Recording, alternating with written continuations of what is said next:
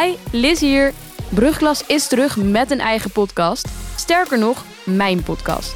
In de podcast Waarom ligt iedereen? luister ik mijn vriendje Timo en mijn klasgenoten af. Dit leek wel interessant, maar helaas pakte dat toch anders uit dan verwacht.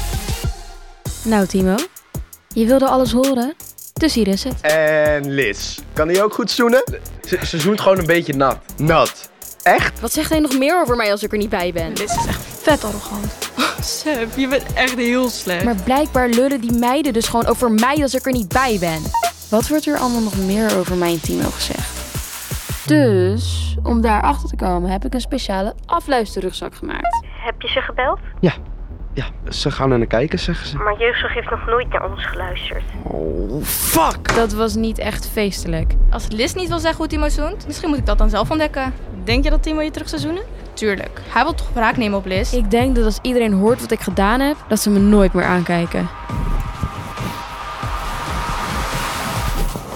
Huh, Timo? Wat doe jij hier? Check nu de Brugklas podcast Waarom ligt iedereen? van NPO Zep en Afrotros bij je favoriete podcast app.